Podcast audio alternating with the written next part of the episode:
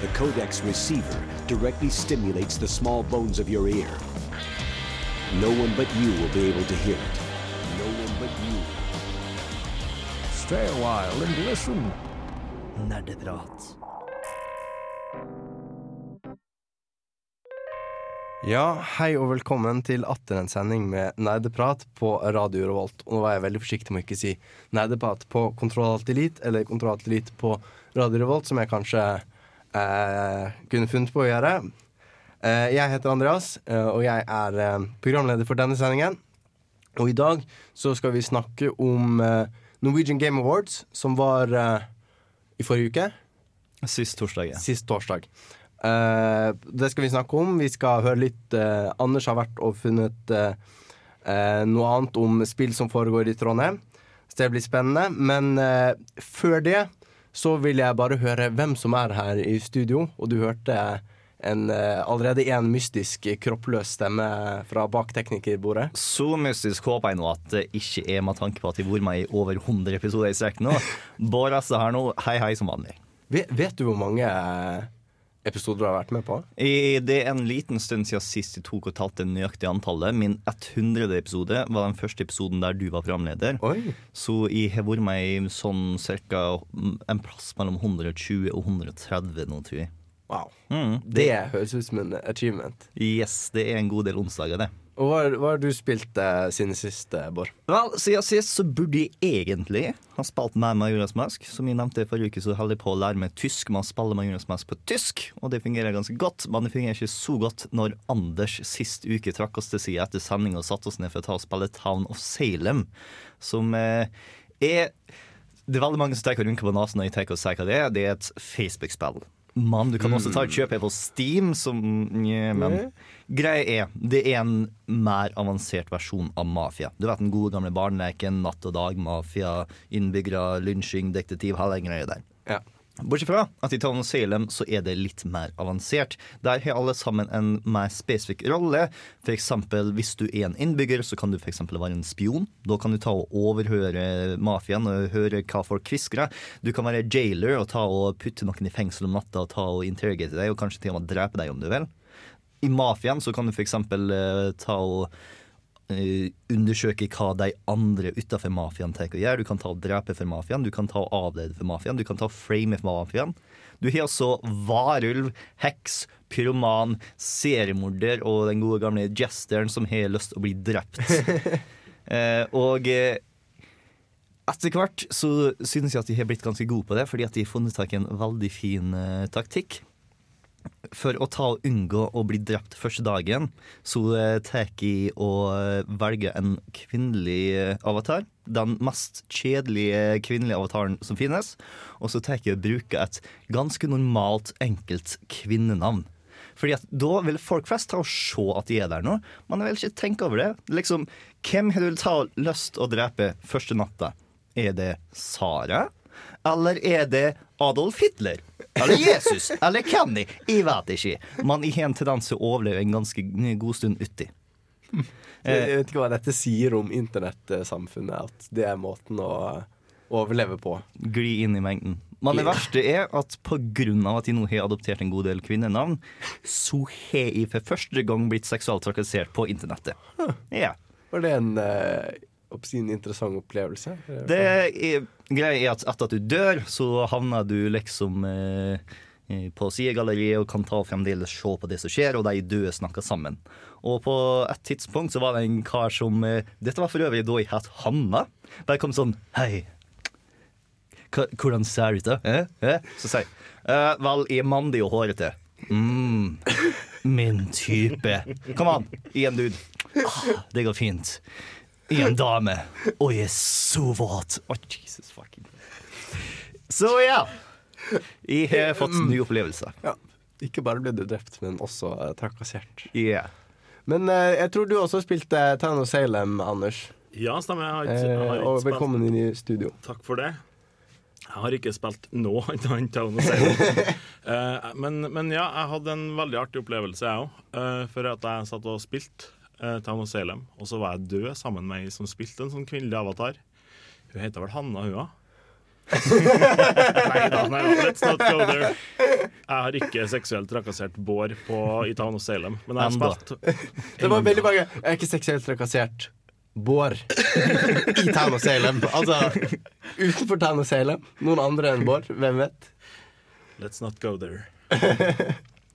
Og sist, men ikke minst, eh, Torben. Velkommen i studio. Jo, tusen takk. Og hva har du eh, spilt siden sist? Tja, jeg har holdt meg eh, hjemme på mitt eget nettverk, på min egen datamaskin, og har spilt et spill som heter Beat Hazard. Ah, Jeg vurderer å kanskje lage en anmeldelse på det til neste gang, men uh, i korthet så er det en twin stick shooter, hvor du uh, skyter ting og sånt i takt, eller ikke i takt, men uh, sammen med musikken som Ja. du har liggende på PC-en din. din egen musikk. Ja. Mm. Og det er det beste soundtracket du kan finne. da. Ja, det er jo helt åpenbart. Hvilken musikk fra ditt eget uh, arkiv er det du har funnet er artigst å spille med? Det må være sånn rockemusikk. Så jeg fant ut at jeg hadde en plate med Sonic-remixer, som jeg ikke hadde, uh, visste at jeg hadde. Så den har jeg spilt litt til og oppdaga ny musikk samtidig som jeg har uh, spilt spillet. Ja. Så jeg, jeg kan, kan ikke si jeg har lytt... Det er, det er en ny må måte for meg å lytte til ny musikk på. Men Jeg tror jeg, tror jeg liker det. Ja. Nei, jeg har uh, etter, vi dis- Jeg diskuterte Crusader Kings med Åse for to uker siden. Eh, så prøvde jeg meg, og eh, det går sånn halvgreit. Jeg har dødd i tutorialen tre ganger. Eh, og nå klarte akkurat min egen datter å drepe, drepe min egen sønn. Eh, men det er egentlig veldig Ble greit. du stolt? Jeg ble litt stolt, fordi hun står til å arve Skottland. Og jeg har ca. halve Irland. Så hvis jeg kan på en måte slå de sammen, så går det bra. Men nå fikk jeg en ny sønn. Så da må menn, og menn gå foran i arverekken. Så nå Var dette Crusaders King 1 eller 2? To. To, ja. Ja. Jeg, jeg vet ikke hva Har du, har du vært borti Crusader Kings 1? Nei, det var bare for å presisere for lytteren. Ja, ok. Ja, skal ikke forvirre uh, lytterne. Nei, uh, det var eh, det uh, siden sist. Nå skal du eh, få en låt før vi eh, går til nyheter. Du skal få en uh, låt plukket ut av deg, Bård. Yes, jeg uh, liker å holde litt uh, øret til bakken, og i, i bakken så fant de Nostalgia Tunes på YouTube som har tatt og laga en liten uh, coverversjon av uh, Silo Theme fra Golden Eye.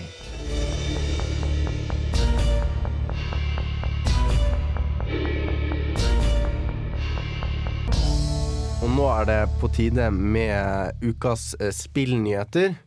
Vi har jo eh, etter navnebyttet har vi ikke fått nye sånne fancy eh, vignett-jingles-ting. så det Vi burde vi- ta oss etter oss ned og lage litt nerdenytt-jingler. Ja. Ja, så vi, vi trenger litt eh, nye nytt uh, jingler. Eh, kanskje, kanskje våre lyttere har noen innspill til eh, eh, vignettene våre. Det kan man jo bare kjøre på, på Facebook, eh, der du kan finne oss under Nerdeprat. Men nå vil jeg eh, For du er ukas eh, eh, reporter, eh, Bård. Nyhetshund. En Nyhetshund. Ja, Yes. du- og du har snust opp eh, et og annet eh, helt, helt på egen hånd uten internett. Eh, Ja, ja, ja. ja. Jeg er jo gæren. Jeg tok og gikk rett opp til disse utviklerne og spurte deg rett i trynet. De harde spørsmålene. Å, ja. Ja. Og eh, da jeg gikk opp til Rockstar, så fortalte de meg, helt personlig, at eh, PC-versjonen har nok en gang blitt utsatt. Denne gangen så er det 14. april folk er nødt til å ta og sette seg ned og vente på. Men de som allerede har GTA 5 eh, og liker å spille GTA Online, de kan ta og glede seg i mellomtida til 10. mars, fordi at da kommer Heist endelig ut på online. Noe som de egentlig sa skulle ta og komme i før i fjor, da GTA 5 kom originalt ut på 360 og PlayStation 3. Det er to år siden. Det er, ja, det er Eller, ett altså- år og en god del måneder. Ja. Det var september i fjor, så Ja. eh, ett og et halvt. Men hva, hva er heist? eh, Heist er dere som har tatt og spilt gjennom eh, hovedspillet. Jeg husker sikkert at dere annet tok og rana en eh, gullsmed og en bank og alt mulig rart. Det handler veldig masse om å ta og planlegge, finne de riktige folka, finne ressursene, og så utføre planen. Det var det som var mest interessant da jeg pitcha GTA Online. Men eh, de bestemte seg for å ikke ta og gi ut noe half-assed, sa de i hvert fall. Og dermed tok og venta til de kunne gi ut noe som var artig for alle sammen som var involvert. Ja, jeg har faktisk fortsatt ikke fått spilt eh, GTA 5. Ja. Jeg har egentlig ventet på Jeg har ventet på PC-versjonen, og det har vist seg å være en eh, Kanskje en, en, en tålmodighetstest Mm. å vente på den. Og nå må du vente litt til. Ja. Har du noen eh, gode nyheter, da? Eller eh, i hvert fall noe som ikke er utsatt, for en gangs skyld? Jeg har noe eh, annet. Det er ikke utsatt, men det er oppsatt. Eh, Batman-spillet Arkham Knight har i Amerika fått ESRB-ratingen M for mature. Det vil si at eh, 17-åringer eh, kan lov, ha lov til å kjøpe dem, men ikke de er yngre. Tidligere så har det vært 10 for teen. Eh, grunnen for dette er ikke, som enkelte kanskje kan frykte, at de har lyst til å bli mer voksne med mer blod og gørr. Det er rett og slett når de skrev historien, akkurat som når de skrev historien til de to forrige spillene som Rocksteady har laga, så brydde de seg ikke om eh, aldersgrense. De bare satt ned og lagde den historien de har lyst til å lage. De lagde det spillet de har lyst til å lage, og så plutselig så kom ESRB og sa nei, dette var litt for grovt. Og eh, i et intervju med IGN, eh, i var selvfølgelig med, så eh, fortalte Rocksteady at de måtte ta og kjempe litt med utgiverne, Warner Brother Games, for å få beholde denne slutten. Det var slutten som tok visstnok og trakk det veldig opp. Og det var veldig viktig for dem at de beholdt den integriteten, og det fikk de lov til. Så eh, vi får se om eh, når den kommer til Europa, om de får 18- eller 16-årsgrense her hos oss. Men aldersgrensa på, på spill eh, Jeg skjønner ikke helt det der jeg sammenligner med film, for på film er jo nesten alt lov nå når man er 15-årsgrense på filmen. Så eh, det sto ikke noe mer om hva det var som var grunnen, annet enn at det var en slutten Det sto ikke noe i den artikkelen jeg tok og leste. Men i når du snakka med dem. Ja, når, jeg snakket med deg, så eh, gikk de ikke inn på det temaet der. Eh, men eh, jeg vil anta at de av oss som tok og spilte Arkham City, vet at slutten der kan være ganske mørk. Og vil anta at det er noe i den duren som også er i Arkham Knight. Ja, for jeg syns ikke at Arkham Asylum eller Arkham City har vært så liksom så uh, å si så ikke-voldelige, eller liksom mer enn alle andre spill, egentlig. Mm. De har, men de har fått ganske mye Tine er jo ganske mye lavere enn mye Det er ganske enkelt spill. av den regelen at Batman ikke dreper. Ja. Så kanskje han gjør det i Arkham Knight? Hvem vet? Han bare, han bare liksom brekker noen på det, og så er de lammet for livet. Mm. Uh, ja, og det, det er selvfølgelig helt uh, OK. Det er bare for uh, barn å gjøre. Nei, har du noe eh, mer til oss? Ja, Uh, Telltale Games, utvikleren av Walking Dead, Tales of Borderlands, uh, Game of Thrones-spillet og alt annet som er godt her i verden, har nå tatt og inngått uh, et samarbeid med Linegate Studios. Hva det involverer, er ikke så kjempekjent ennå. De snakker om at de har litt lyst til at ting skal skje i spillet, og så går det uh, hun ned og ser på TV-en, og der så skjer noe som er involvert i spillet. Litt det samme som eh, Define-spillet tilbake i tida, som var sånn MMO-RPG som prøvde å gjøre litt det samme. Eh, men eh, Telltale er litt mer egna på dette, så vi får se om det fungerer. Ja, så Det er ikke bare snakk om at de skal lage på samme måte som de har laget Borderlands-spill eller laget Game of Thrones-spill, at de skal lage et spill basert på noe Liongate har gitt ut, men det er snakk om en faktisk Det er, two- two-way street. det er snakk om en two-way street, men det åpner også for at uh, Telltale nå kan ta og utvikle en del Linehead Lionhead-IP-er. og det som har vært veldig interessant, har vært The Hunger Games. Det er kanskje litt vanskelig å ta og eh, få forbi drap av mindreårige eh, forbi ESRB. Eh, Men hvis det er noen som kunne klart å gjort det, så er det Telltale. Ja, det, det, eh, når jeg leste Battle Royale Altså en, Jeg vet ikke om det er liksom den originale boken, men en bok som har veldig mange fellestrekk med Hunger Games. Altså eh, fascistisk framtidsvisjon. Eh, barn blir låst inne på et øy eller noe sånt og må drepe hverandre for å overleve. Eh, veldig akkurat sånn som Hunger Games, egentlig. Eh, men da tenkte jeg sånn wow, så utrolig kult at det hadde vært som et dataspill. Eh, så det er jo helt spennende å se om Telltale kunne uh, lage et. Men da håper jeg at de ikke liksom tar Katniss-historien en gang til. Ja, nei, det, det har liksom uh, muligheten til å ta noen av de tidligere Hunger Games. Eh, og spesielt siden Hunger Games delvis var action, men delvis også var det å spille for kamera, få folk til å ta og sponse det og sende inn småting. Det har vært en veldig interessant gameplay-mekanikk i et Telltale-spill. Men jeg beklager hvis dette er et dumt spørsmål, men hvem er egentlig Lionhead eh, Studios? L- Lionsgate er det vel? Lionsgate, Lionsgate, ja. unnskyld. Beklager. Ja, ja, ja, fordi- Lionshead, som jeg Ja. kanskje har sagt et par ganger nå, er de som tok og blant annet utvikla Black and White og Mm. Peter Molyneux og all det der tilbake i tida. Lionsgate er en eh, eh, mindre studio som tar og gir ut uh, filmer med litt mindre budsjett, men også litt mer nisje. De Mm. ga ut blant annet den nye Dread-filmen, de ga ut Twilight, de ga ut uh, Hunger Games. 300, tror jeg også var uh, Det kan stemme, jeg er ikke helt 100 sikker. Det er for mye Ja, altså, jeg tror det er litt overlapp i noen av disse mellom jeg skulle si spillinteresserte og, og, og de som er interessert i disse filmene. Så det tror jeg kan være en veldig spennende, spennende samarbeid. Men er vi sikre på at det er The Hunger Games? da? Det hadde vært veldig morsomt hvis det er Twilight, f.eks. Oh, kan man ha Twilight dating sim? Så kan du endelig velge om det skal være Team Edward eller Team Jacob. Ja, Jeg skal ikke ljuge, jeg har sannsynligvis spilt det spillet bare pga. Telltale. Ja, ja, ja. Telltale ville gjort noe bra med det. Jeg er ganske sikker på det.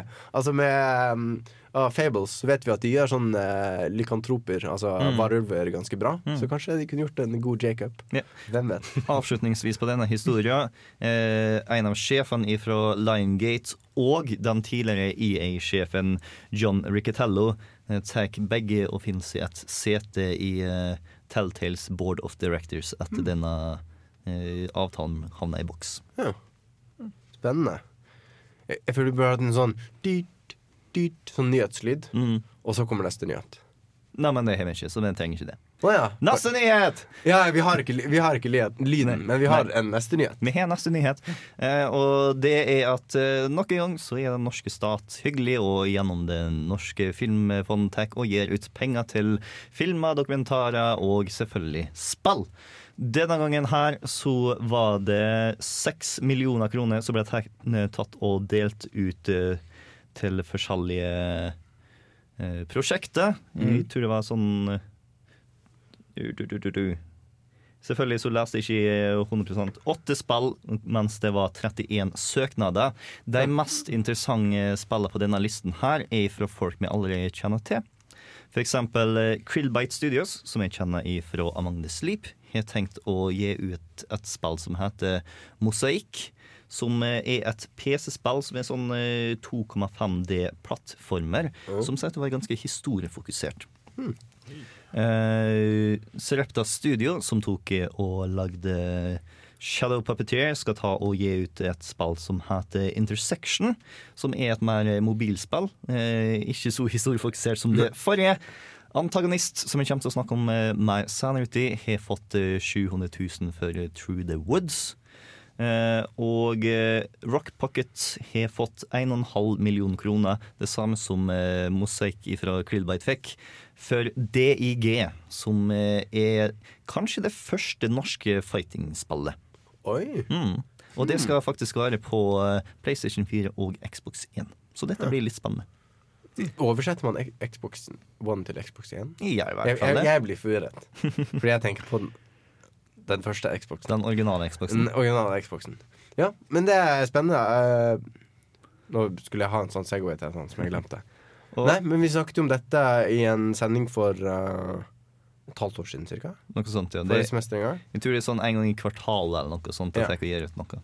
Jeg syns det er ve veldig interessant altså hvor mye uh, å si makt de For det er, den, de har noen sånne konsulenter som bestemmer disse eh, søknadene, og de har ganske mye å si på norsk spillindustri. Det. Fordi, for disse pengene, altså eh, pengene fra Norsk Filmfond, er veldig avgjørende for eh, norske spillutviklere. Mm. Tror det er alle de store vi har eh, eh, Altså norsk, store norske spillutviklerne får støtte fra Norsk Filmfond, og det, det, det er ikke sikkert de kunne drevet hvis de ikke fikk det. Det høres veldig riktig ut. Det var i tillegg et par barnespill, sånn som Knutsen og Ludvigsen i tunnelen, og eh, et racing managing-spill og alt mulig rart, som også fikk en del penger. Eh, Og hvis vi skal ha litt ekstranummer, mens spillindustrien fikk 6 millioner denne gangen her, så var det 23 millioner som gikk til filmindustrien. Jeg tror den avstanden har vært langt større før. Det har den. Eh, det blir spennende å se om det etter hvert ikke bare blir Norsk Filmfond, men Norsk eh, Film- og Spillfond. Eller. Norsk Underholdningsfond. Dersom den norske spillindustrien klarer å vokse og eh, gjøre seg oppmerks eh, for den internasjonale oppmerksomheten, så er det godt mulig at uh, den norske stat innser at uh, det å putte penger i spill tar å eksportere norsk kultur i en bedre grad enn Ja. Men jeg tror også at norske spill er mer internasjonale enn norsk film. Mm. Altså Rett og slett bare pga. språket mye. Altså Norske spill er ofte laget på engelsk. Mm. Altså det er eh, Through the Woods og ikke Gjennom skogen. Yeah. Uh, mens norsk film er jo hovedsakelig uh, norskspråklig. I hvert fall den, måte, de norske filmene som uh, får støtte fra Norsk Filmfond. Altså type sånn Harald Svart eller sånn som produserer i Hollywood. Eh, nå har ikke jeg eh, statistikk på å opp, men jeg tror ikke han får støtte fra Norsk Filmfond. På en måte du har et eh, Mens norsk spill er på en måte basert i Norge, men har et mer internasjonalt fokus Mm. enn norsk eh, film. Og Det er jo enkelte Beklager. Det er enkelte en, en norske filmer som kalles for en internasjonal sat, eh, satsing.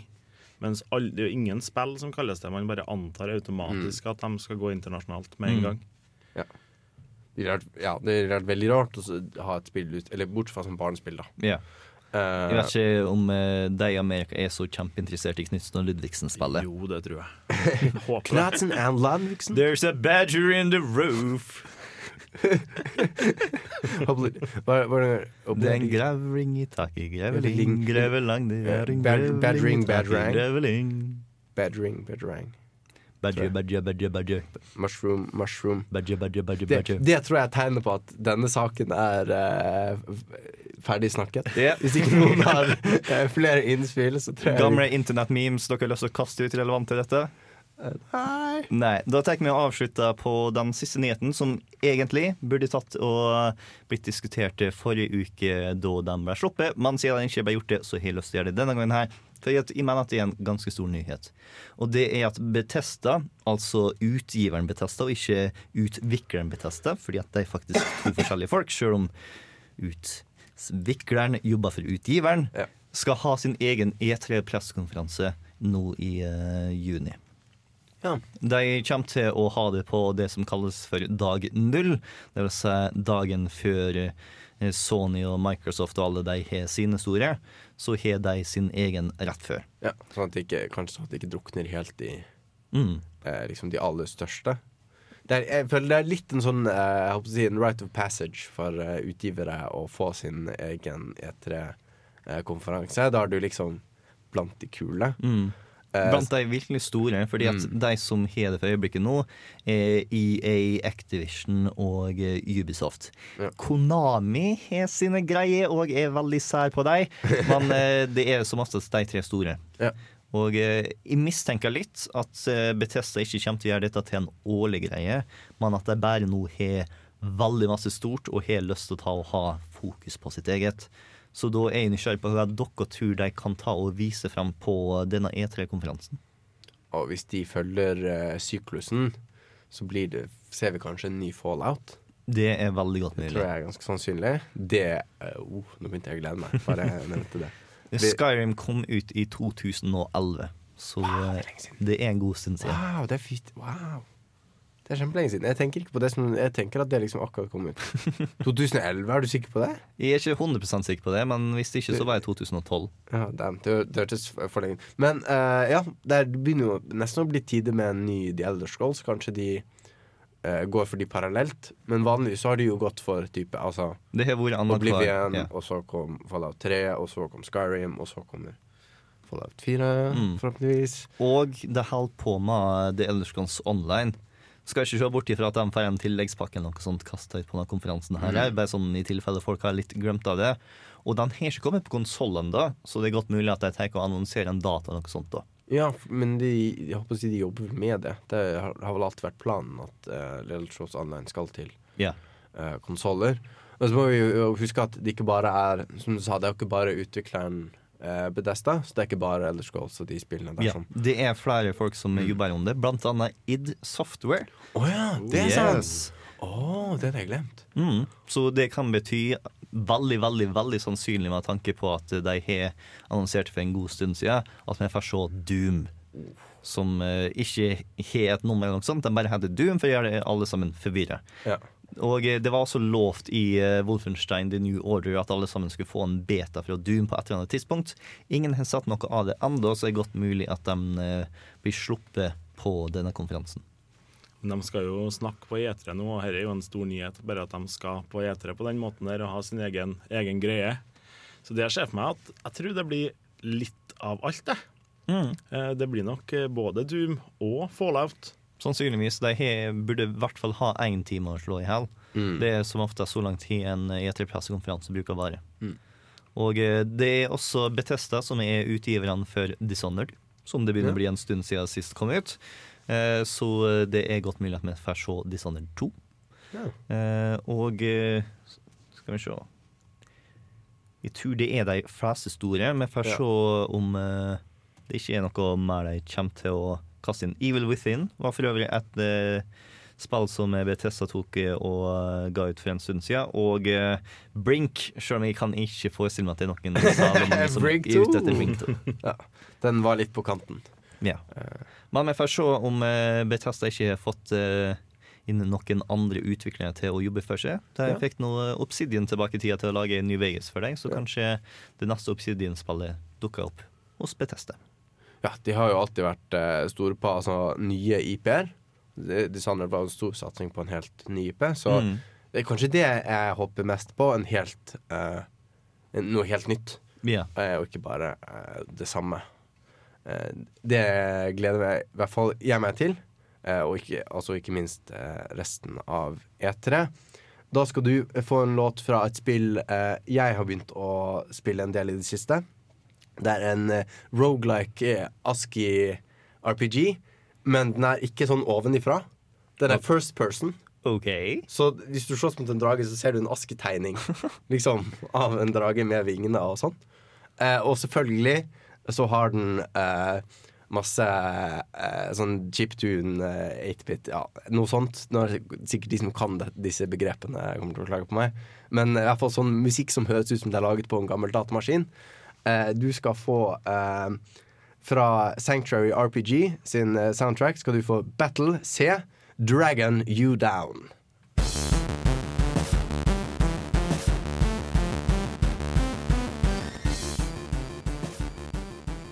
Hei, Andreas og resten i studio.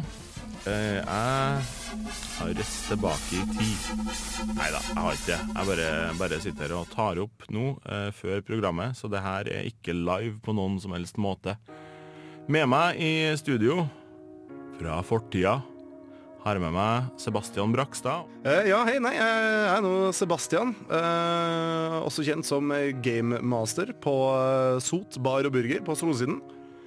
Gamemaster. Det er jo en ganske sånn prestisjefylt eh, tittel å ha. Kan du fortelle litt mer hva du, hva du gjør som gamemaster? Som gamemaster, da driver jeg da og hoster det her eventet som eh, vi da kaller a game night. Uh, game nighten går da ut på at vi tar og spiller uh, retrospill. Alt ifra uh, Mario Kart på Nintendo 64 til uh, f.eks. Tekken på PlayStation 1. Eller eh, Street Fighter på SNES. Det er vel en konkurranse, ikke det? Det er en konkurranse. Det har du helt rett i, Anders. Eh, det som er at vi, eh, vi, har, vi kjører da såkalte turneringer, hvor folk kommer bort til meg en, ca. en time før oppstart og noterer seg ned gamertaggen sin til meg. For vi bruker ikke ekte navn i, på Game Nights. Da er det Da putter vi our nerds on og kjører full propell med gamertags. Alltid fra kuksjuk til Dr. Doggystyle til Per. Hvor vi da har eh, forskjellige premier, som en uh, f.eks. to for en burger, eller eh, ikke minst hovedpremien, da, som er en eh, pokal med eh, navnet på spillet. Og eh, en sånn, kanskje en sånn liten sot overraskelse oppi. Men det er inngravert da, på en pokal. Det er inngravert på en pokal. Oi, oi, oi! Ja, wow! crazy. Og det er gratis, da. Det er jo det sykeste med det. Eh, mye forskjellige spill, men dere spiller jo bare gamle spill, så vidt jeg har fått med meg. Eh, Så langt så har vi vel spilt Vi starta med Mario Kart, så hadde vi en runde med Super Smash eh, Brothers. Begge to på Nintendo 64. Eh, vi har også hatt en runde med Golden Eye, Street Fighter Det er vel det så langt, tror jeg egentlig. Jeg har glemt av et spill. F-Zero. F-Zero X, vet du. Det var det siste vi hadde. Men Dere skal vel ha, ha en ny Game Night snart? Det skal vi. Uh, det blir på neste onsdag. Og da har vi Da skal vi spille et spill uh, som er ikke bestemt enda. Det- Hva er grunnen til at det ikke er bestemt ennå? Er det at det skal være overraskelse når folk kommer?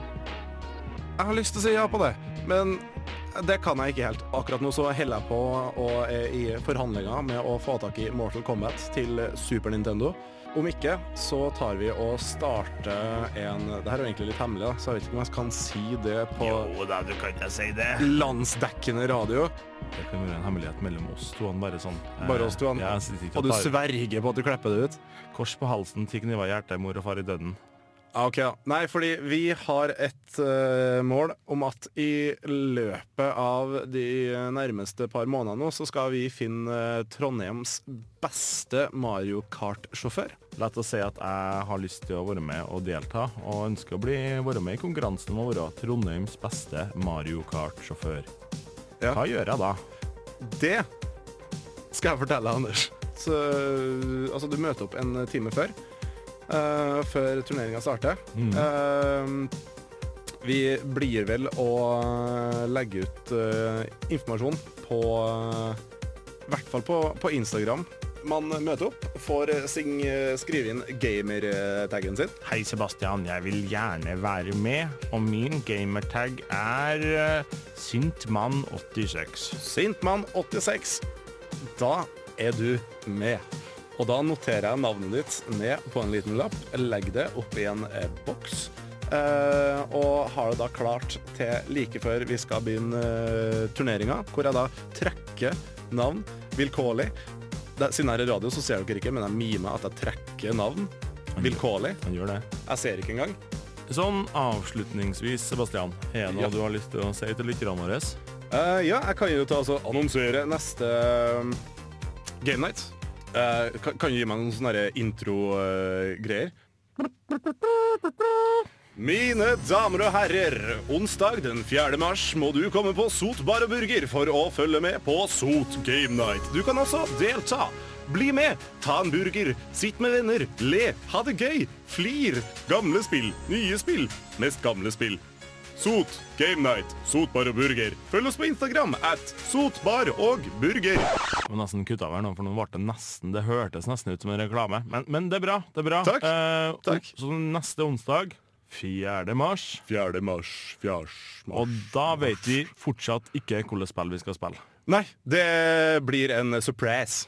Jeg gleder meg.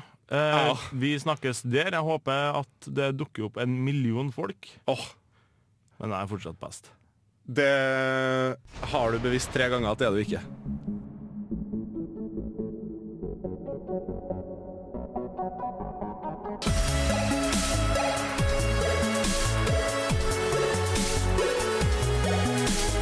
Der fikk du en remix av en låt fra spillet Spy versus Spy. Og før det fikk du et intervju eh, fra Anders av eh, lederen av eh, Sot, Sot Game Night. Ja, stemmer. Ja. Altså, det var ikke meg, da. Det er meg fra fortida som holder det intervjuet. Men nå er du en annen mann. nå er jeg Anders i Ikke i framtida. Vel, For deg som hører på oss på podcast, så er jo fremdeles Anders fra fortida bare en nærmere fortid enn den forrige Andersen. Makes you think, man. Ja, oss, jeg vet ikke om det er hasj i ventilasjonssjaktene på eh, Lukas, kanskje. Eh, Men eh, Så det kan vi jo anbefale at alle får med seg her i Trondheim. Kanskje jeg tar eh, turen bort, selv om jeg alltid taper i Mario Kart. Ja, det er jo eh, Vi vet jo ikke hva som er neste gang ennå. Um, men jeg har vært der et par ganger. Tre ganger, som det så fint ble eh, ble pekt på på slutten der.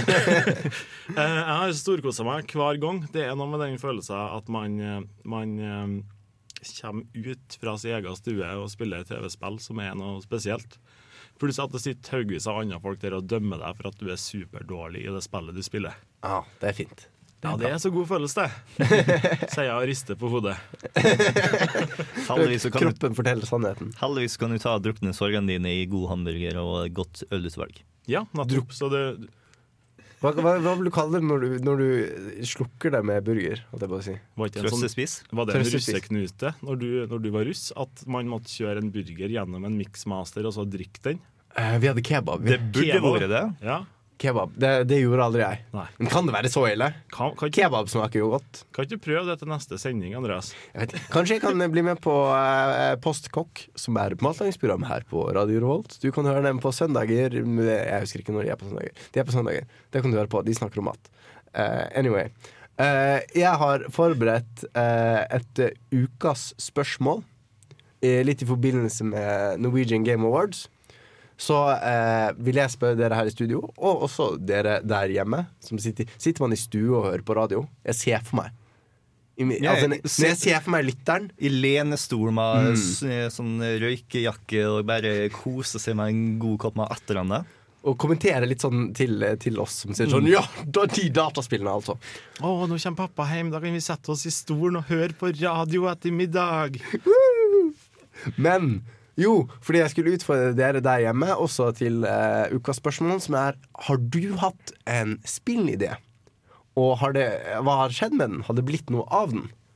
Uh, og kanskje, Jeg vil begynne med deg, Bård. Vel, Har du hatt en spillidé? jeg har hatt mine spillideer, og det er en god del av dem jeg ikke har lyst å dele fordi muligheten for at det faktisk kan bli noe av dem. Men det er en spillidé som jeg har for sånn fem år siden, som jeg kan ta og dele. Med dere. Jeg drog nå fram en perm som virka større og tyngre okay. enn den burde være, fordi at den har sånn 200 blanke ark i seg. Okay. Men det er fremdeles 20 ark som er noe utfylt. Ok, kan jeg Vent jeg vil Der slapp jeg permen i bordet. Eh, Det var lyden av det. Ok, Den inneholder tusjer, i tilfelle Så her er det kategorisert historie, karakterer, puzzles, gameplay, idémyldring, ting å huske på. Og så er det en egen som peker til tomme ark. eh, I tilfelle du trenger noen av de. Yeah. Så dette er når, når er denne fra? Den der er fra sånn fem år tilbake, da jeg fremdeles bodde i Molde og jobba på game. Så eh, for å gjøre noe kreativt, for det var ikke så masse kreativt jeg gjorde i den perioden, så bestemte jeg meg for å ta og bare spekulere ut et spill, og det var et Espen Askeladden point and click.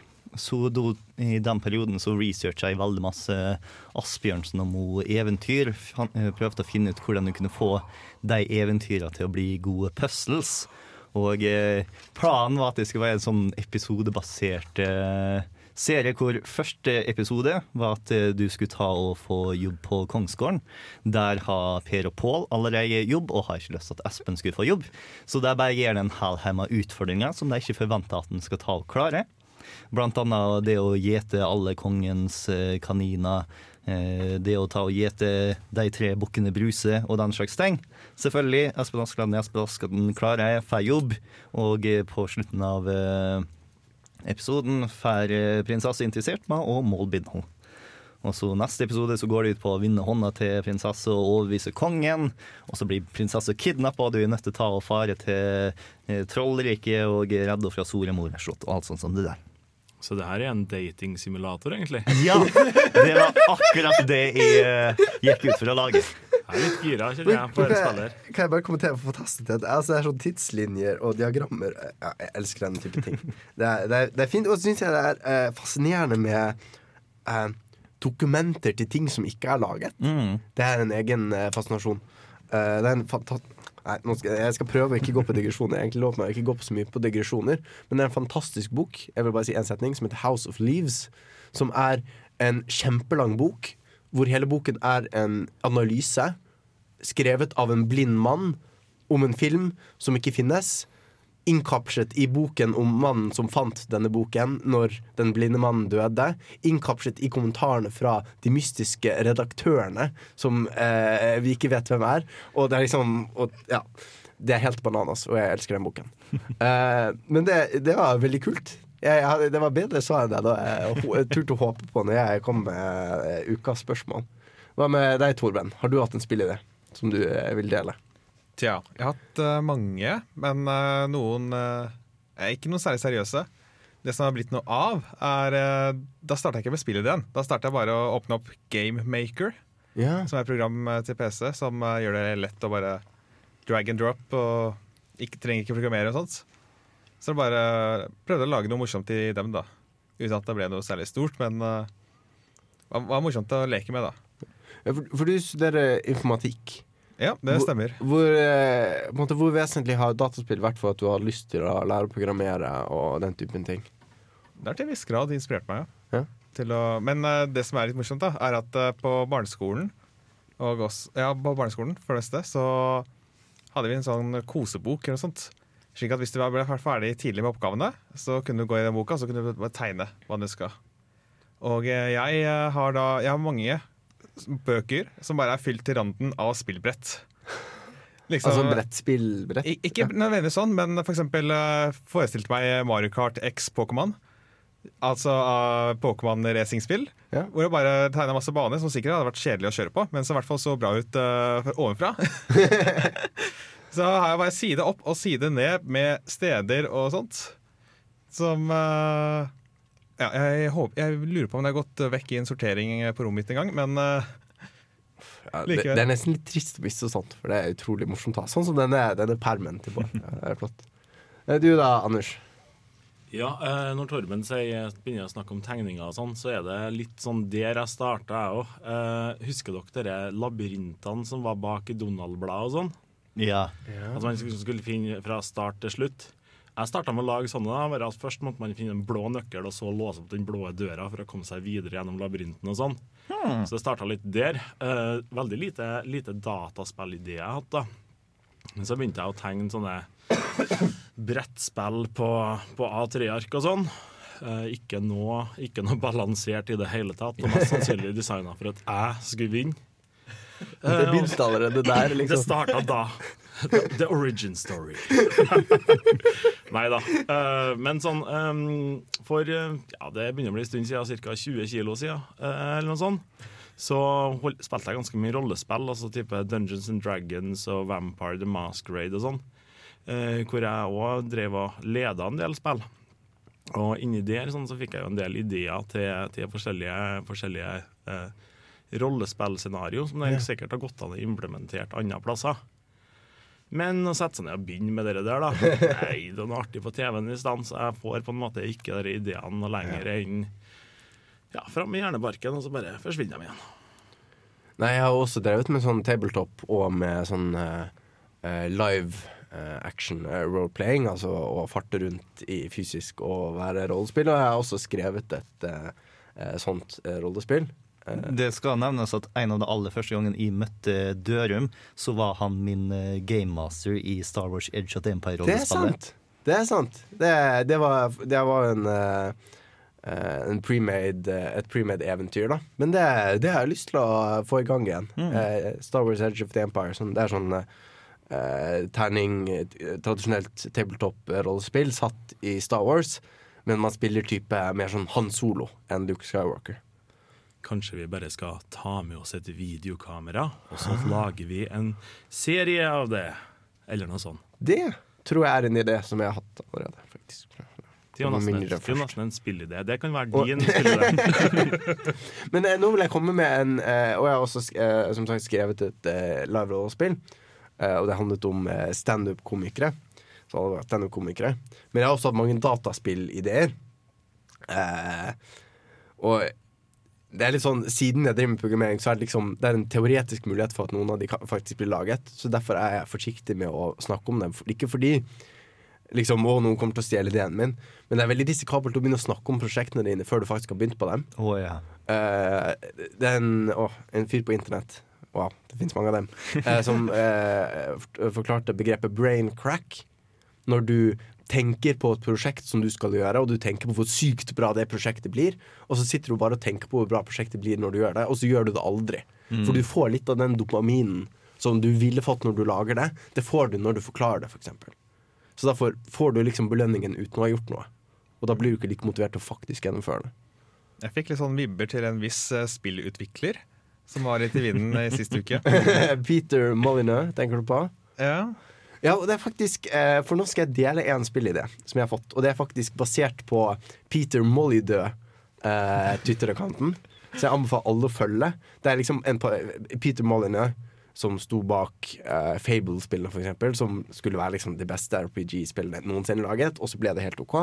Overleverer alltid og har sånne gale ideer. Og så har du eh, Twitter-accounten eh, Peter Molydø som parodierer eh, dette her med helt gale spillideer. Og en av disse var uh, What if a game where you play a coin uh, and you have to be traded and so forth. Og så hadde jeg tenkt på det forleden dag. Og tenkte hmm, Hva hvis du faktisk spiller en mynt? Og så her er spillideen. Du spiller en mynt. Og litt som i The One Ring, så kan du liksom klirre og liksom eh, falle ut av lommen på taktiske tidspunkt. Og du har noen sånne, sånne småkrefter. Kanskje du kan påvirke psykologisk de som, eh, personen som har deg. Og så er målet ditt å bli handlet av de riktige menneskene, sånn at du ender opp i hendene på kongen og kan sprenge ansiktet hans og drepe han. Så du er en magisk snikmorder-mynt-spill. Så det er min, eh, min spillidé. Som, eh, men da må jeg først eh, liksom simulere økonomi, et økonomisk system. Eh, og så må jeg liksom simulere psykologiske systemer, sånn at det kan påvirke de. Så det er nok spillet som aldri blir laget. Det spillet. Men det er min spillidé. Og jeg tror eh, felles for eh, våre spillere er vel at det ikke blir noe av, fordi vi snakker om spill og ikke lager det. Det er så deilig å snakke om alle disse prosjektene våre. Jesus Christ, Ja, that ja, brain crack! Men det finnes en del mennesker her i Trondheim som ikke bare har hatt spillideer, ikke bare har snakket om spill, men også hevet seg på og begynt å lage dem. Og mange av de spillene de så vi i forrige uke. Eh, meg, Bård og Torben og Åse. Vi var på Norwegian Game Awards, som var her ved Gløshaugen i Trondheim. Hvor vi fikk se mange spill laget av studenter. Det er, vel regelen her det må være minst 50% studenter i gruppen som kan delta i konkurransen. Eh, og med oss i studio har vi John fra Norwegian eh, Game Awards. Og eh, Du kan jo først si hei til eh, lytterne der hjemme. Hei. Og hvis du kan eh, pitch Hva er Norwegian Game Awards? Ja, altså Norwegian Game Awards. Vi, eh, vi organiserer også en spillkonkurranse for altså folk som utvikler spill, hvert år. Og målet vårt da er å sette spillutvikling blant studenter på dagsordenen og skape morgendagens eh, spill da, Ja. i Norge. Spill og spillutviklere, ikke minst. Riktig. Ja. For det er vel litt, tanken å få oss til å over Han ene fra å, De som lagde Tesla-grad. Eh, Rain Games. Ja, Rain Games. Eh, Vi fikk en presentasjon fra Rain Games, og han sa mitt mål er å få dere til å vurdere å lage spill. Og det er, liksom det er litt det som er rollen til Norwegian Game Awards også. Å få folk til å tenke hm, Ja, altså veldig ofte så er det som du sier, folk får jo ideer da. Mm. Men så blir det noe aldri av det. Og det tenkte vi, det, det må vi gjøre noe med da. Ja. Og da har du Norwegian Game Awards. Ja. Og hvordan, eh, hvordan går dere fram for å få folk til å eh, bli motivert til å lage spill og bli med i spillgrupper og sånn? Ja, altså hvert, hvert år da, så organiserer vi Det ene er jo selve konkurransen, men det andre er også det kickoffet. Hvor vi skal på en måte få folk til å idémyldre og gjøre ting. Uh, I år så gjør vi det litt annerledes. Eh, Vi har det som kalles for matchmaking. Vi finner folk, vi får folk til å finne gruppa si, uh, få et team de kan lage et spill med. Mm. Uh, og ikke minst i konkurransen da så har vi store premier som uh, Altså, konkurransen skal på en måte både være et kvalitetsstempel og uh, noe som kan inspirere folk til å gjøre ting, da. Ja. så for eksempel de som vinner, da, for, for dem kan det være lettere å for eksempel søke, søke videre penger da, og støtte, for eksempel fra Innovasjon Norge. Ja. Og det var eh, var det Game of the Year vant i år eh, 30 000 kroner, hvis jeg husker riktig. Det er riktig. Så det er jo snakk om, for en student, veldig, veldig mye penger. Eh, kanskje tid nok til at måte, Man trenger ikke eh, jobbe ved siden av studiene, kanskje. Eh, Man kan heller jobbe mer på spillet sitt. Eller man kan eh, ja, ta seg råd til å gjøre mer med spillet sitt. Da forhåpentligvis at dette går inn i spillutviklingen igjen. Så på eh, torsdag, det var konkurransen, og der fikk vi se mange av eh, deltakerne. Og fikk prøvd en del av de spillene som var eh, spillbare. Og Bård og Torben, dere var, var med meg på, på konkurransen. Hva syns dere om spillene vi fikk spilt der? Nei, eh, det var veldig variert i hvor utført de var. Du har liksom eh, Dwarfheim, som eh, du har et par tegninger av, og et par folk som sto framfor alle sammen og svært begeistra snakka om hvor kult det skulle være, og hvordan jeg skulle kombinere fire forskjellige undersjangere av strategispill. Og så har du eh, sånn som Orbit, som eh, jeg ikke kunne forstå at ikke var ute på markedsplassen allerede, fordi at det bare så så utrolig finpolert ut. Og Det var vel også Orbit som vant uh, Game of the Year. Ja, de Ja. ja. renska en god del bord. Ja, for det, ja, fordi det, altså, det så jeg også Det var kickoff uh, tidligere i jeg håper å si tidligere år, i forrige semester. uh, som måtte være kickstarte for folk til møtes og begynne å lage spill og sånn. Uh, og allerede da var jo Orbit veldig, veldig bra. Veldig spillbart. Og jeg trodde det måtte være gitt ut da, men det var det tydeligvis ikke. Er det gitt ut? Det er ikke gitt ut ennå? Så vidt i vet, så er det ikke ute ennå. Skal visstnok komme ut til våren. Ja. Ja, da har de jo på en måte forstått at det var eh, For når jeg, kom der på torsdagen, så trodde jeg at de ikke delte opp, de bare var der for å liksom støtte opp om å være kule og sånn. Men eh, da skjønner jeg, hvis de ikke er gitt ut engang, så skjønner jeg at de, de deltar i konkurransen. Og de er studenter ved en um, folkehøyskole, skulle si. Sånn som jeg forstår det, så er de ikke studenter, men de har en sånn veldig gunstig avtale hvor de får lov til å bo og spise der nå. Ja. ja, for de gikk på folkehøyskole, Ja. og så Og det var gikk de rett på ja, det var sånn de fant hverandre, og jeg tror jeg gikk og lærer litt og sånt eh, i- attåt eh, det utviklinga si. mm. Så hva syns du eh, var det beste spillet på eh, hva, hva, Ari, Nei. The Show Floor var liksom ordet jeg var ute etter. Men hva var det beste spillet som konkurrerte i Wishing Game Award, syns du? Eh, jeg vil nok si meg ganske enig i at Orbit vant såpass masse. Eh, jeg fikk ikke tida til å personlig spille antagonist sin True the Wood, som var en eh, litt kortere demo hvor du gikk gjennom skogen. Litt sånn Slender-style. Bare at det var masse mer eh, nordisk mytologi og eh, skapning av troll av den typen der. Eh, det spillet så ganske bra ut. Det så ikke ferdig-ferdig ut, men eh, i forhold til det andre spillet så så det ganske bra ut og fristende. Eh, så jeg gleder meg til å se hva som skjer med det spillet når det blir ferdig. Ja. Og du Torben, hva, er, hva syns du om spillene vi fikk spille? Jeg synes det er at Orbit var det som akkurat på det tidspunktet tok seg best ut. Mm. Med veldig stilig og rent, stilrent design. Ja, en, en, en twin stick shooter Ja. Eh, multiplayer. det, jeg grunnen, for at, grunnen for at det har navnet Orbit, er fordi at det utnytter veldig masse fysikk. Du er et eh, romskip i et lite solsystem hvor eh, dersom du skyter og det havner i banen til en eller annen planet, så vil den ta kurve seg etter det og kanskje ta noen, hvis du er veldig smart. Og så har den et par, eh, et par av eh, banen har ormehull, sånn at du kan ta og hoppe inn en og ut den andre. Eh, Noen av dem er basert på å ta være konge på haugen, noen av dem er basert på å skyte de andre. Eh, Men eh, det ser bare forferdelig pent ut. Det har absolutt partikkeleffekter haka godt av på to do-lista. Mm. Men- ja, vi hadde også andre spill som var stilt ut. da Blant annet Corroded. Som uh, ja, visstnok skulle være mod til et eller annet spill, men uh, i hvert fall uh, Det fungerte som et selv selvstendig spill. Minte meg veldig mye om Moba-sjangeren. Ja. det ble styrt Bortsett fra du bruker ikke musepekeren til å flytte figuren din. Du bruker uh, WASD, Ja. de tastene på tastaturet. Og det gjør at du er fri til å bruke musepikeren til å sikte. Og bruke forskjellige Jeg vet ikke hva man skal kalle det. De, de prøvde å ikke ha sånn magi, fordi det er snakk om roboter.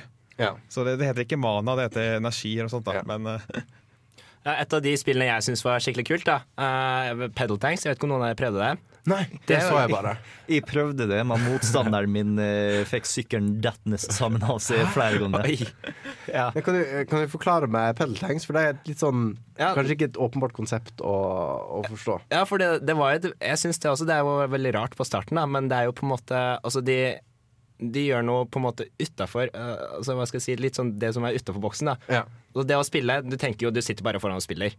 Men her så sykler du selve tanksen, da. Og Ja, det, på sånne ergometersykler. ja, ikke sant? Og det syns jeg var skikkelig kult. Ja, for vi så for Her er det igjen litt sånn begge sider. Vi ser både litt sånn tradisjonelle eh, spill. Jeg vil si, kalle det Trudewood litt sånn tradisjonelt oh, ja. spill. Eh, og så har du Pedal Tanks, Ja. som er helt, eh, noe helt eh, annerledes. Jeg må si, jeg syns et av de morsomste var Corroded. Fordi eh, det var på en måte Det var tydelig det var ganske uferdig. Litt av konseptet i Corroded er Ja, det er litt sånn Moba-aktig. Du styrer en helt, og så skyter du ting. Arena Brawler var sjangeren jeg tok etter. nå. Ja, Arena Brawler. Ja, det, den kan jeg se. Og så blir arenaen mindre og mindre mens du spiller, og så blir du skadet hvis du er utenfor. Og det er liksom deler av spillet var veldig pent. Eh, teksturene for eksempel er ganske gode. Veldig kule partikkeleffekter. Jeg tror jeg laget i Unity. Så da får du litt jeg håper å si, da får du litt gratis. Det er en virkelig enkel måte å si det på. Men altså altså, Så deler av spillet ganske, så ganske ferdig ut, og deler var litt sånn placeholders og sånn. Eh, men selv om det var veldig tidlig i utviklingen, så kunne man liksom se veldig tydelig dette var skikkelig gøy. Jeg hadde det håper si, jeg, jeg spilte mot eh, tre eh, sånn tiåringer fra kodeklubben i Trondheim. Og jeg vant! Men det er liksom, liksom Jeg sitter der sånn Tar deg! ja!» Mens jeg spiller mot tiåringer. Så det, det er et spill som gjør deg barnslig, og det vil jeg si er en god, god egenskap. Crowded har dessverre en litt uh, Framstillinga deres på Shalflauren var litt mangelfull med tanke på at de har femrundeskamper, og hver runde kunne ta liksom en sånn tre-fire minutter.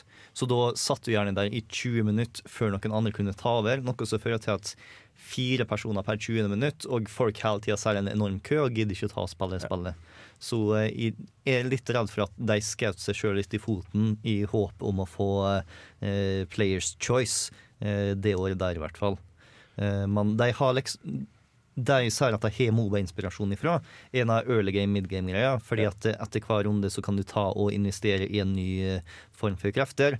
Og eh, alle første runde ingen høykrefter. Alle sammen tar bare og skyter. Senere, i de neste par runden, så er det liksom litt ujevnt, fordi at det er enkelte som har forstått at vårteksten som suger folk til seg og fer utover i lavaen, kanskje er en superidé, mens andre kjøpte ildstrålende med sånn ikke klarer å treffe noe. Og så har du late game hvor alle sammen sosa har akkurat det samme. Ja, så den forsvant litt i uh, versjonen som vi fikk spille. Mm. Ja. Men jeg liker et uh, veldig, veldig morsomt spill. Mm. Uh, ikke fl eh, flere vil spille. Um, jeg har en liste her.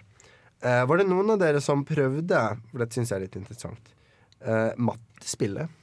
Nei, det klarte å gjemme seg ganske godt bort. Ja, fordi det var spennende. Fordi eh, i et uh, om si nesten hjørne av lokalet så sto eh, faktisk fjorårets vinner av Game of the Year eh, med et nytt spill. Da vant han Den gangen vant han med Å, eh, et eller annet ball. Uh, oh, ja, ball, det ekstremt merkelige spillet hans. Det er et eller annet Ja. bål, ja. Det var Ja. bare sånn når du eller noe sånt. Akkurat sånt. Du satte ned i liksom ett minutt, og det så ut som noe som fantes på Newgrounds i 2002. Og det var sånn, hva, hva er dette? Jeg forstår ikke noe, og så går det bort. Mens eh, Erik Fossum, som var, eh, jobba i eh, eh, Pressfire og var formann i juryen i fjor, gikk opp til meg og bare sånn Wow! Dette spillet, du, du har ingen anelse hva du går glipp av. Det er sånn The Portal på crack når du kommer forbi level 4. Bare sånn! Man gjemt bak denne grafikken så bare får deg til å tenke Hvem er som har kasta sammen Thai Paints? Så det, var, det er kanskje også litt gjenganger. Litt sånn en eh, diamond in the rough. Uh, fordi det er sånn med et, uh, et mattespill uh, hvor du skal løse funksjoner. Eh, og du har på en måte Altså jeg er på Android, da, så du har liksom funksjonen der, og så har du et uh, åtte knapper. Så du kan på en måte uh, gange med to, eller dele på fire, og så videre. Så det er, liksom, det er nesten som å ha en kalkulator, bare beg et begrenset antall taster. Um, og jeg syns dette var veldig interessant, fordi jeg tror mange av det som folk syns er veldig overveldende med matte, er at liksom Shit, det er jo liksom tusen ting. Og liksom, hva skal jeg gjøre for å løse denne funksjonen? At du kutter den ned. Så jeg syns det var et veldig spennende, spennende konsept. Um, og jeg syns det var uh, dumt det ikke fikk mer oppmerksomhet. Fordi vi ser jo at mange av de spillene som får mye støtte av norsk film, for, eksempel, er de uh, Dragon Box-spillene. er det ikke det det heter? Tror det. Dette blir, åh, jeg må bli flinkere på research og skrive ned sånne ting. Jeg har fått et norsk selskap som lager uh, sånn eh, spill eh, rundt eh, algebra og sånn. Som har fått mye penger fra Norsk Filmfond, eh, og som gjør det veldig bra. Og at dette er på en måte et område hvor eh, hvor det, hvor det er stort rom, da. Man kan, du kan komme med mange kule nye ideer, og så får liksom, men det er, like, det er ikke like flashy og spennende som eksplosjoner og sånn. Uh, jeg syns det var spennende at det ikke var så mange som uh, fikk med seg. Men de presenterte seg heller ikke på scenen. Nei. Så det tror jeg kanskje kan være litt av grunnen. For jeg, jeg oppfatter det ikke som at de var en deltaker. Nei. Rett og slett fordi at uh, i forkant, før vi gikk ut på messegulvet, så var det Som vi kan kalle det, da. Så presenterte alle spillene seg. Ja. I hvert fall så trodde jeg det. Men eh, de, akkurat det mattespillet presenterte seg ikke på scenen, så Så jeg vet ikke helt Jeg trodde ikke det var en del av eh, konkurransen. da. Men det var eh, mange av eh, spillene på NGA. Du skal få en eh, låt fra Er det du som har kommet med den eh, låten, Anders? Dubmood. Ja, det stemmer. Kan, kan eh, du si noe om denne låten? Før vi Ja. skal snakke mer om eh, NGA etterpå. Det er jo litt dumt å si det her nå, siden det sitter en del altså folk som har litt Norwegian Game Awards, sånn som faktisk vil at folk skal kjøpe dataspill. Men Dubmood er jo et band som laga eh, musikk til sånne Keegans tilbake i tida. Tenker jeg for eksempel, Hvis du hypotetisk sett har lasta ned et dataspill og ønsker å krekke det, og så får du en CD-key, da, og da er det på den, eh, på den CD-key-generatoren at de starta å lage musikk. Så en del av den eh, demoscenen Du får eh, Toffel tøff, Skal det være tøffel? Toffel skater. Toffel Skater. Toffel skater eh, med dubmood. Og vi lover, vi har ikke cracket noen dataspill eh, i det hele tatt.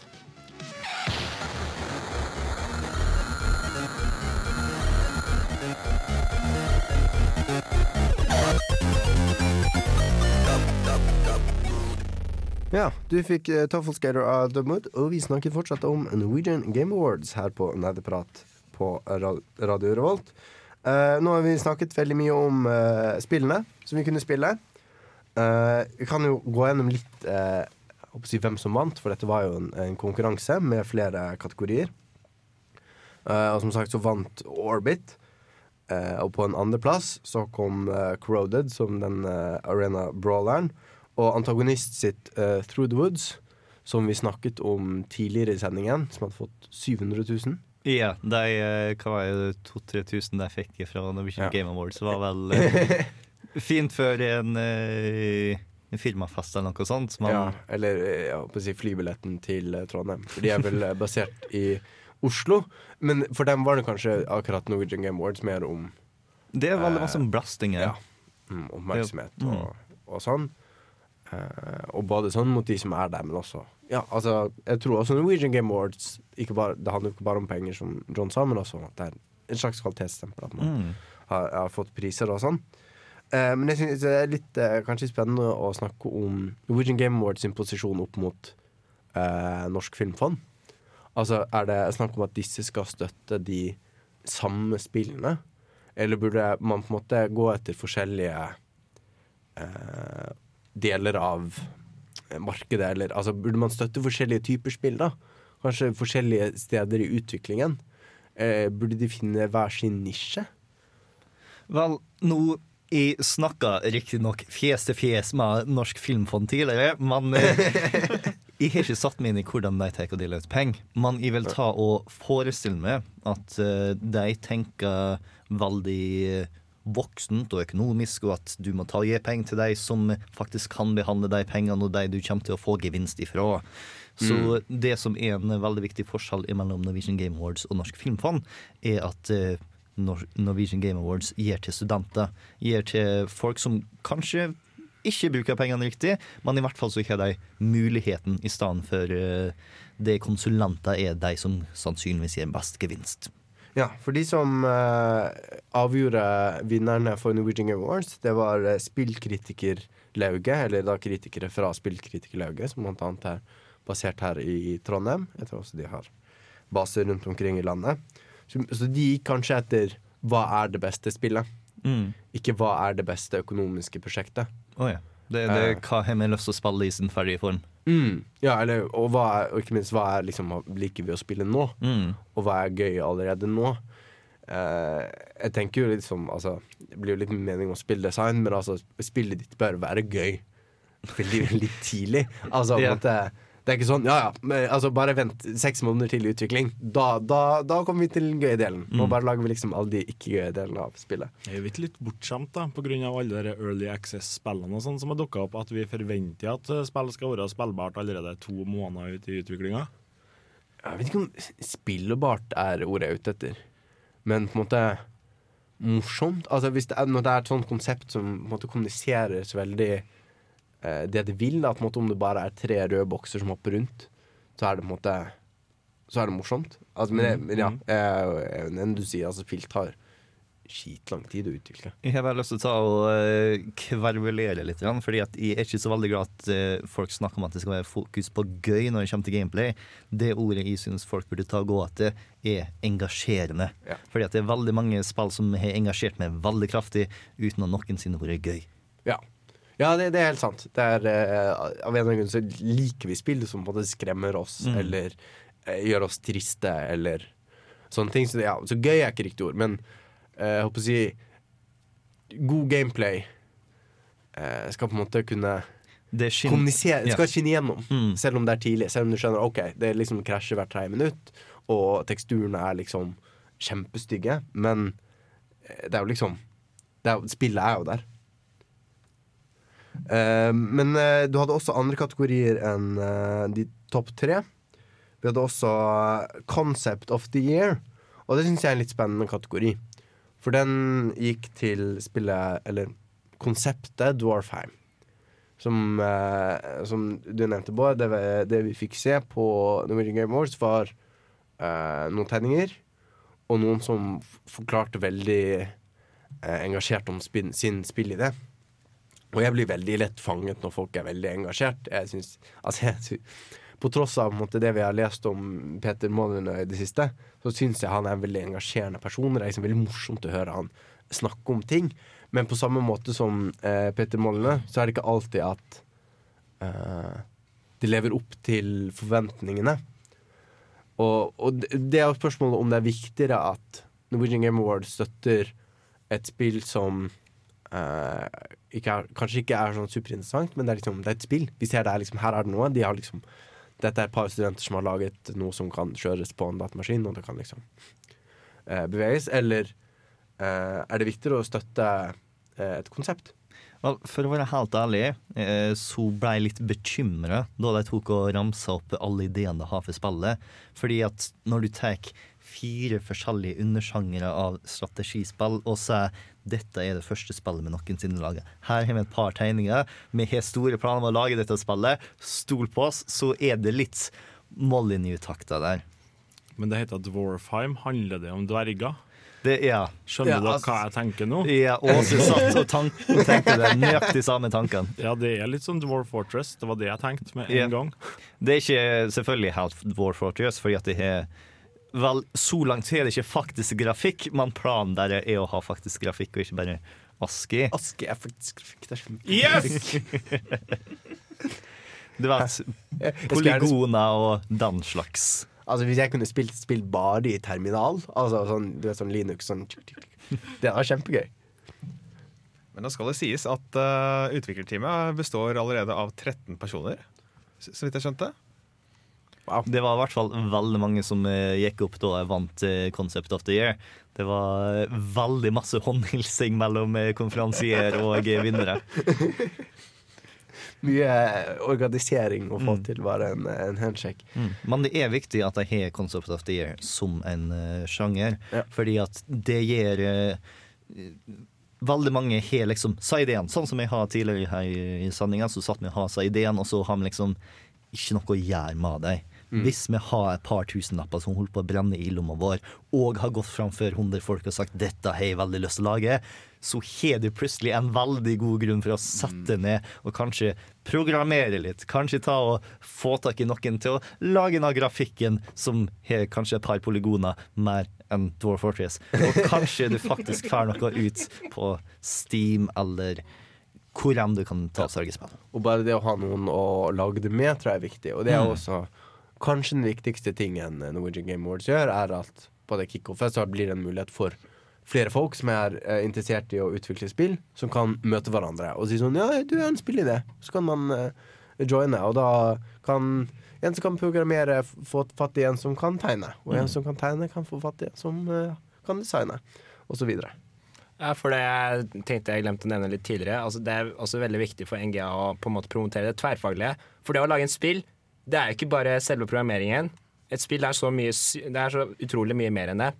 Du har jo for eksempel grafikk, du har Du har eh, Historie. musikk, historie Ja, mye. Ja, og, Og da tenker vi på en måte Det er jo viktig at du, du er ikke alene om det. Ja, og jeg vet at uh, Dwarfheim-teamet har uh, tverrfaglighet. Så det, det lover jo godt, da. At det ikke bare på en måte er De har ikke bare den ene sida av eh, balansen. Det var for så vidt også en spennende eh, Som vi nevnte tidligere, han fra Rain Games, Mm. som snakket om uh, hvilke, hva man må ha uh, hvis man skal lage et spill. Og det er sånn, sånn Ja, du trenger liksom programmerere, designere og sånn, men noe av det første du bør ha, det er noen som driver med marketing. At det, det er blitt en så viktig del at uh, hvis, du- hvis ingen vet om spillet ditt, så er det jo ingen som kommer til å spille det. Mm. Og at det er liksom Det er ikke sånn et overskuddsfenomen å ha eh, marketing. Det må du ha med en gang. Ja, og marketing er gjerne også nødvendig hvis du skal Det er veldig greit å ha marketing hvis du skal eh, få støtte fra Filmfondet for å skape litt blest, eh, litt oppmerksomhet rundt spillet. At det er viktig ikke bare for at folk skal kjøpe det, men for at andre også ja, skal kjøpe ideen din. da. Man trenger rett og slett noen som kan sende oss en mail, sånn at vi kan snakke om spillet ditt på uh, Nerdeprat her på Radio Revolt. Og hvis du der ute ser og er marketing for en eller annen indiespill, så er mailadressen vår nerdeprat at radiorevolt.no. Hvis du er en lytter som ikke har lyst til å lage et spill, men har lyst til å stille spørsmål, så er samme adresse for du òg. Ja.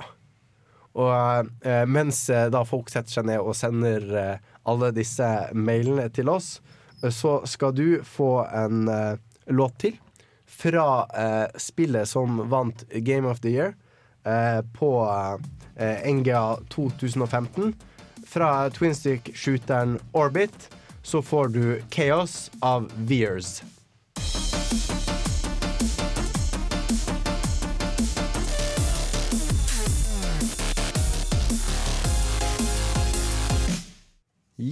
Det var uh, soundtracket fra uh, Orbit, som vant Game of the Year på NGA i 2015.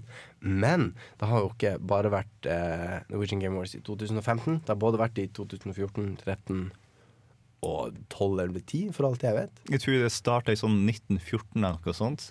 1914. Nei, det gjorde ikke det. Men da var det bare tennis. ja. Altså fysisk tennis. Mm. Men det var, det var den gangen, eh, for da var det bare eh, Norske brettspillfestival. eh, nei. Eh, John, vet du når første Norwegian Game Awards var? Ja, du, det er et godt spørsmål. Nå er jeg ganske ny i Norwegian Game Awards, da. Uh, men uh, det har nok vært et par, et par år. Et par år. Vi, vi sier det trygt sånn. Og jeg har vært mm, som Som tilskuer har jeg vært med ett år før, og du bare har vært med I To I hvert fall to, om ikke tre. Ja, den, eh, fordi det ble jo en naturlig sammenligning når vi sto der på torsdag, og sammenligne med sånn som det var eh, tidligere år. Og hva, hva var det du tenkte da, Bård? Det, det jeg synes var aller mest merkelig da jeg har alle spillene rundt meg, var egentlig hvor få de var. Fordi at eh, Jeg følte meg litt bortskjemt av tidligere året, fordi at da har jeg liksom eh, mellom et dusin og 20 forskjellige spill, så hvis de ikke følte for å ta og spille en puzzlespill der, så gikk de bort og spilte 8-bit Moby Dick-spillet der, eller kanskje de tok og spilte det RPG-maker-spillet som har en halvtime med historie som jeg ikke forstår hvorfor jeg skulle ta og spille mens alle som snakker rundt meg. Men eh, det var liksom veldig mange spill eh, i forskjellig fullførhet eh. Eh, og eh, jeg syns at eh, det var vel kanskje sju spill totalt eller noe sånt. Som Det jeg var kunne det vi uh, telte oss fram til, Ja. i hvert fall. Eh, Så eh, jeg er nysgjerrig på om det var færre som meldte seg på, eller om eh, hva som er greia i år. Om du vet det, John? Sorry, hva var spørsmålet? Jeg, jeg, jeg, jeg opplevde i hvert fall at det var færre spill i år som var påmeldt enn det var i fjor. Og, og jeg er nysgjerrig på om det var færre folk som har meldt seg på noe. Ja, jeg tenker det er godt mulig. Uh, men eh, det er jo hard konkurranse, da. Og Mm. det å komme til finalen er jo en greie i seg selv. Det er et godt poeng. Ja, er, det, er det en utvelgelsesprosess før uh, Norwegian Game Awards? Det er det. Ja, OK. Så det er ikke alle som bare kan uh, slenge seg på? Jo. Det ja, er det. ja, ja. Alle, alle, altså, ja, ja, det var dårlig formulert. Beklager. ja.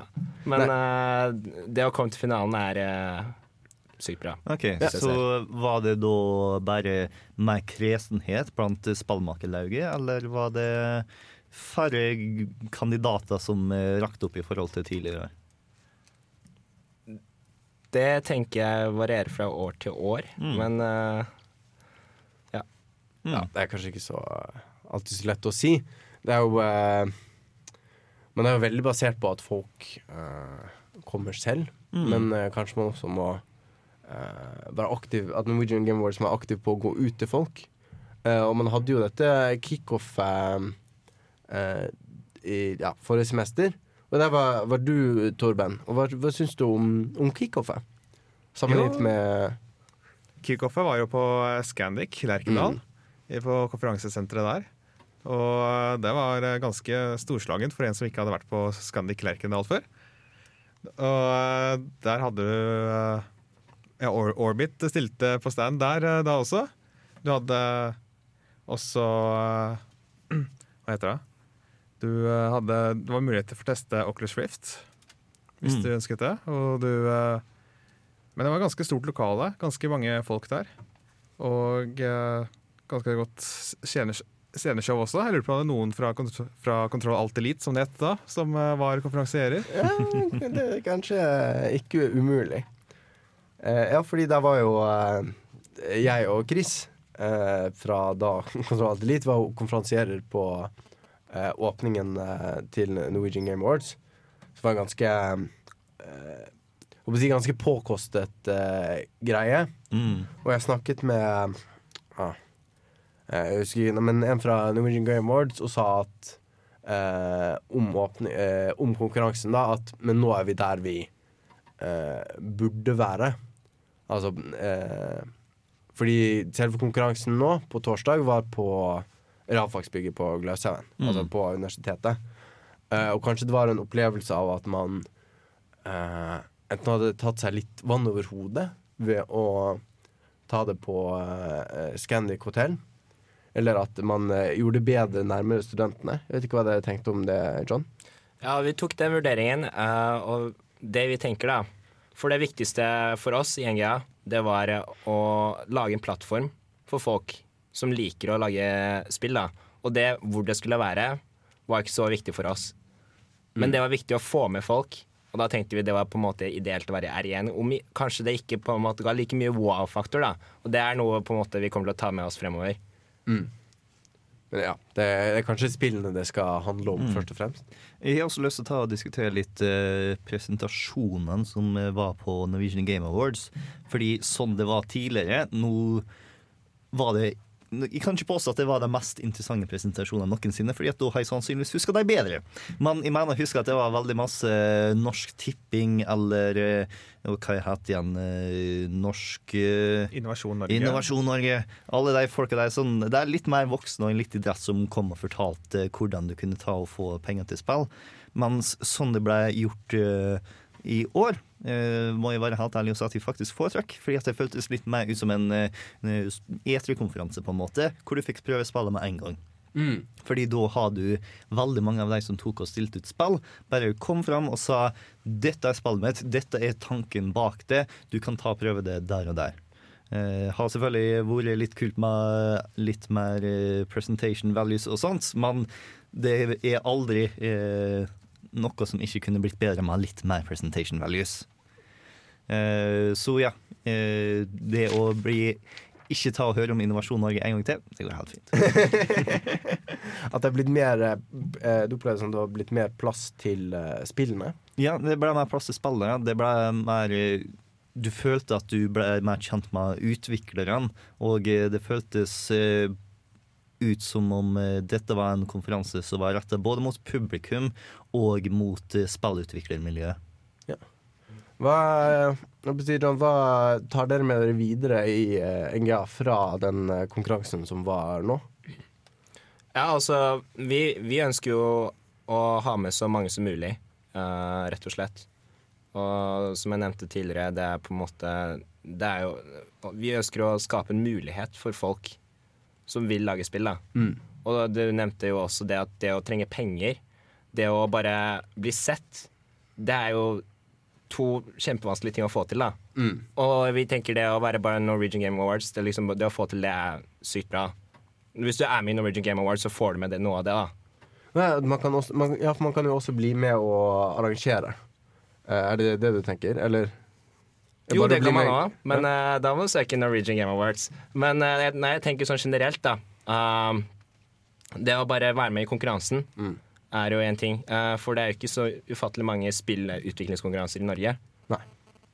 Men eh, John, eh, som, vi, som vi sa tidligere her på lufta, så hadde jo Andreas en fantastisk idé med den, med den mynten som skal sprenge kongen til slutt. Eh, og kanskje Andreas har lyst til å være med på NGA 2016 med dette spillet her. Hvordan skal Andreas da ta og melde seg opp? Du, det gameawards.no det jeg syns absolutt du skal melde inn ideen din altså, Ja. og ta det videre. Det, det syns jeg er en stor sjanse. Altså. Gameawards.no.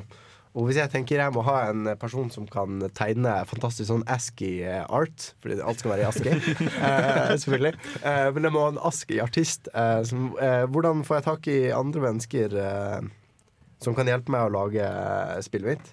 Ja, og da har vi det som vi senere i år, eh, det som vi kaller for matchmaking. Eh, Ja. Og det, det blir på en måte litt der på det tidspunktet vi har kickoffet. Det vil si, I stedet for kickoffet har vi det som matchmakinga, og det er veldig nytt. da Og det, og det, er, det er senere i år, altså dette semesteret? dette semesteret. Ok, ja.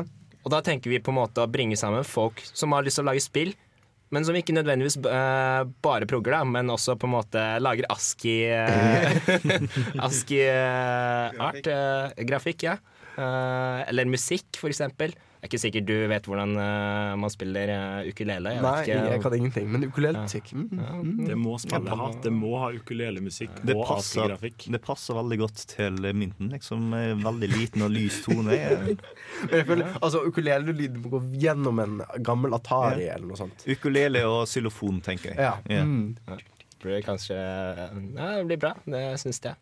Jeg får bare lage en plakat. Søker eh, ASKI-kunstner, ukuleleartist og xylofonspiller. Det er det jeg trenger. Resten, eh, resten kan eh, eh, jeg ta. Mm. Men dersom folk har lyst til å ta og arrangere Norwegian Game Awards, hvordan er jeg går fram for det? Fordi at det er studenter som driver det, ikke sant? Det er riktig.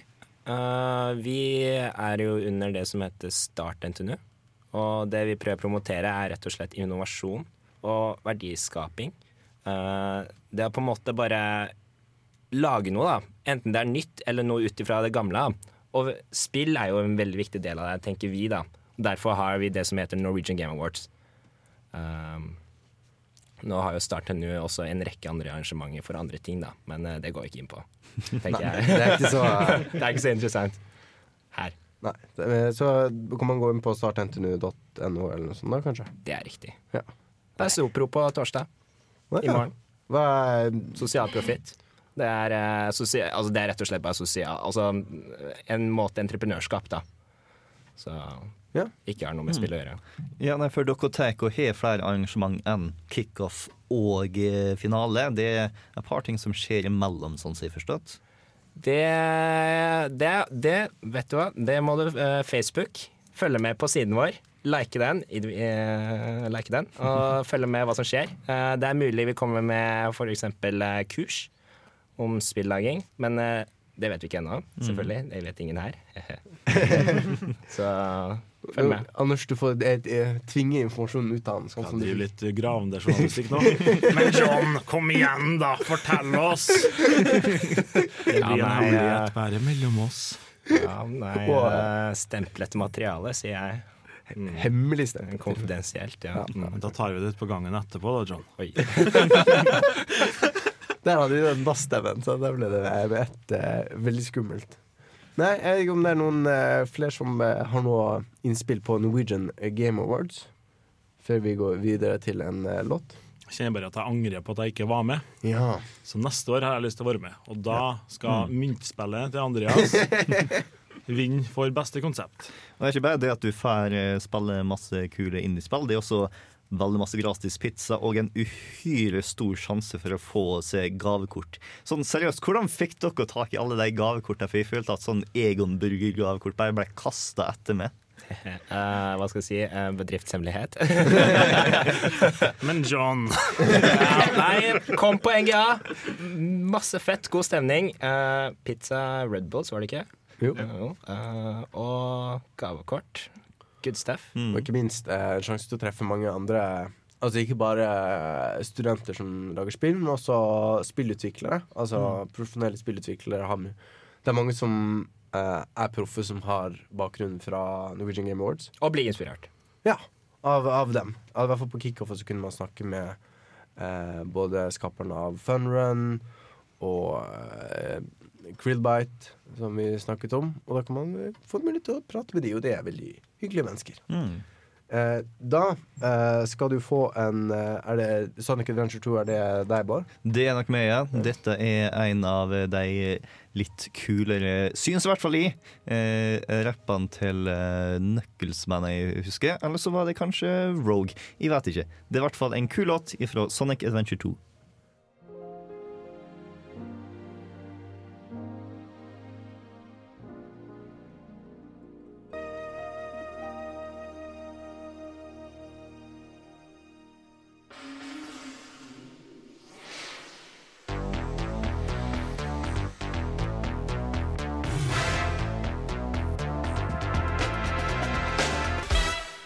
Eh, ja, kjære lytter, da er du tilbake igjen her i studio. Eh, og dette er den delen av programmet hvor vi skal ta opp alle de, har tenkt å ta opp alle de kommentarene som vi hadde fått fra dere lyttere, og diskutere fram og tilbake på det. Eh, men det er sånn at vi ikke har Har vi fått noen kommentarer? Jeg sjekka for noen minutter siden, og eh, vi har dessverre ikke fått noen kommentarer. Jeg vet ikke, er det, jeg vet, dette er kanskje veldig dårlig PR, for det er ofte sånn eh, hvis man Det blir sånn selvbekreftende profeti. At på en måte hvis man eh, sier at vi får ingen kommentarer, får ingen kommentarer, så egentlig burde vi kanskje late som vi hadde fått masse Ja, kommentarer. vi, vi har fått masse kommentarer herfra. Vi eh, Men- har eh, Men vi Alle sammen er portugisisk, og det klarer ikke vi å lese, så Nei. da ja. Så eh, hvis du kan portugisisk, kan du komme til eh, Singsakerbakken 2E? 1E, tror jeg det er. 1E? Akkurat nå oversett Nei. Eh, eh, men eh, dette er litt sånn eh, oppfordre deg til å komme med kommentarer. Så derfor hadde jeg tenkt å Jeg hadde egentlig med meg en uh, kazoo. Og skulle spille ti minutter med kazoo, sånn for å true folk til å sende inn spørsmål. Så at hver gang vi ikke får spørsmål, så skal jeg spille Nei, Vuvuzela er det jeg lurer på. Jeg hadde tenkt å spille Vuvuzela. Bare hakket mindre irriterende. Er Nei, nei. Men det er Mer. en fun fact da, om meg. Eh, for, altså Bare for å legge lista for hvilke spørsmål vi kan få inn. Kazoo er det eneste instrumentet jeg kan å spille. Oi, det visste jeg ikke. Det kunne vi fått inn i en Facebook. Ja, nettopp. Eh, Når vi, tok, når vi snakka musikk uansett, i stad så tok jeg introdusert en låt som skulle være en eh, relativt kul rapper fra Sonic Adventure 2. I stedet så fikk dere julemusikk. Det er litt fordi at uh, Digas-systemet vårt uh, ikke gjør jobben sin 100 Det er en del eldre musikk som bare har blitt overlappa av det som har blitt spalt på lufta. Og dette var tydeligvis en julesamling som har gått eh, samtidig, så dere fikk eh, Stille natt er noe veldig rolig. Forhåpentligvis så eh, fant dere det avslappende, men etter det så kasta jeg på noe kult bare som et lite plaster på julesåret, og det var eh, One Night in Neo Kobe City. En eh, litt uh, oppfriska versjon fra Snatcher-spillet, men selvfølgelig ekstra masse saksofon. Du må alltid ha ekstra masse saksofon. Vi kan ikke bare ha litt saksofon. Ja, Som en liten kommentar til Facebook-kommentarer. jeg, jeg må ta på meg litt grann av skylda selv. Jeg hadde egentlig satt den posten til å gå opp eh, Eller jeg hadde egentlig tenkt å ha den posten klokka 11. Men mm. så fant jeg plutselig ut eh, klokka tre i dag at oi, den er ikke ute, den posten. Ja, for vi har sånn fancy automatisk system. Å nei, det var meningen ingen skulle vite om det. Ah, søren. Ah, nå har vi ødelagt, eh, ødelagt PR-strategien vår. Beklager. Nå har jeg satt altfor masse bakteppe. nå, eh, nå må, Ja. eh, hvis du hører på den radiosendingen, eh, så må du dessverre dø. Bare ta og lat som om vi vet hva vi gjør, og alle sammen kan ta og leve videre. Men eh, la oss gå fra Facebook-kommentarer til Facebook-spill, for eh, jeg har lyst til å diskutere litt Tan of Salem med deg, Ja, ja, Anders. ja, ja. Fordi at jeg tok og diskuterte hvordan jeg spiller Tan of Salem, men hvordan er det du spiller? En kvikk oppfrisking på hva Town of Salem var. Det er jeg mafia hvor eh, Og det som er litt kult med Town Salem, er at eh, rett før hver runde så må alle sammen komme med et nytt navn. Idioter tar selvfølgelig å velge samme navnet hele tida, så vi forstår hvordan en person spiller. Mens de som er morsomme, tar å lage morsomme navn. De som er sneaky, de tar å ha jentenavn. Ja, men det, det er litt sånn i det Bård sier. Altså, man må på en måte uh, man, man har, Når man har valgt, valgt seg et navn, så dukker det opp i chatten hva, hvilket navn du har valgt deg. Og Hvis du da f.eks. velger deg Pikachu som, som navn, og det er ikke uvanlig at folk velger seg Pikachu, så dukker det opp en annen, annen Pokémon-navn. Eh, Torben hjelper meg med Pokémon-navn. Uh, Jigglypuff. Yes, nettopp. Den Jigglypuff dukker opp i chatten, da. Og da, hvis du da er så uheldig at du er Pikachu, og Jigglypuff er mafia, eh, og du ikke er mafia sjøl, kommer Jigglypuff mest sannsynlig til å drepe deg. Derfor må det være litt sånn, du må være litt, sånn, eh, litt, eh, litt kreativ med navn. Nøytrale navn er veldig viktig. Du vil ikke være Super-Hitler eller, eh, eller noe sånt, for da, da gjør du deg sjøl til et mål. Hold deg til vanlig Hitler. Altså ikke Ikke noe super-Hitler. Ja, jeg var litt, litt borti dette her, for jeg var jo med og spilte med dere sist uke. Ja, litt grann. Og da var det en runde der det var to personer. Den ene het Israel, den andre het Palestina. Kan du gjette hvilke to personer som ble drept den runden? Men hvem Runde drepte hvem? Og hvem begynte? Og så ble det en politisk debatt. Nei, altså, jeg spilte seriemorder den, den runden. Så jeg, jeg drepte jo eh, Skal vi se Jeg drepte eh, Israel, jeg. Og så er det jo sånn at man kan legge inn en melding når man dreper noen, som alle sammen får se etterpå. Og da skrev jeg et sånn politisk budskap og sånn der, da. Men tilfeldigvis så var det jo en annen tulling som var ligget og luska i buskene utenfor huset til Palestina, for, nei, til Israel, for han antok at uh, det er noen som kommer til å gå for Israel i runde én. Så da så jeg jo at jeg kom gående bortover dit da med knivene, sant? så jeg, ja, det gikk ikke så bra som jeg håpa på. Nei, og Det som også er, jeg synes er veldig artig med spillet, er at det er åpna for mange forskjellige typer av spill. Du har liksom standarden hvor du har mesteparten i town, og så har du en seriemorder, og så har du en mafia, og så har du en jester som skal få folk til å drepe seg. Men du har varianter. Du har både den hvor absolutt alt sammen er random, og en hvor det er en host som velger. Og det var en host som tok og lagde et spill som var helt frustrerende å spille, fordi at du har 15 personer totalt. Ja. 14 var spioner, og én var mafia. og greia er at spioner kan ta og lese det folk hvisker. Du bare tar slash W og navn i, i chatten, og så er det kun den personen som får lese. Med mindre du er spion. Og da var poenget at vi skulle ta og finne ut hvem som var mafia. Og alle sammen var idioter. Jeg bare sånn OK, folkens, nå kommer jeg til å stille ett spørsmål. Dere tar og svarer det svaret som er unikt for dere. Alle ignorerer meg! Vi legger, går og legger oss, og en av oss våkner opp du. Og sånn fortsetter det og fortsetter, helt til de mesteparten av idiotene er vaska vekk, og vi klarer å få litt oversikt. Men og her er det som er litt kjipt med spillet. Dersom to personer sitter i samme rom eller har Skype, så har de muligheten til å samarbeide. Så én spion og én mafia tok og hjalp hverandre. Sånn at spionen sa du må nå ta og svare dette fordi at han sp stilte dette spørsmålet. Ja. Så det tok oss evig lang tid å drepe mafiosoen på måfå. Åh, her er jo fantastisk. Jeg digger dere folkene deres så gærne, da, som bare lurer dere sånn. Det er jo superbra, syns jeg.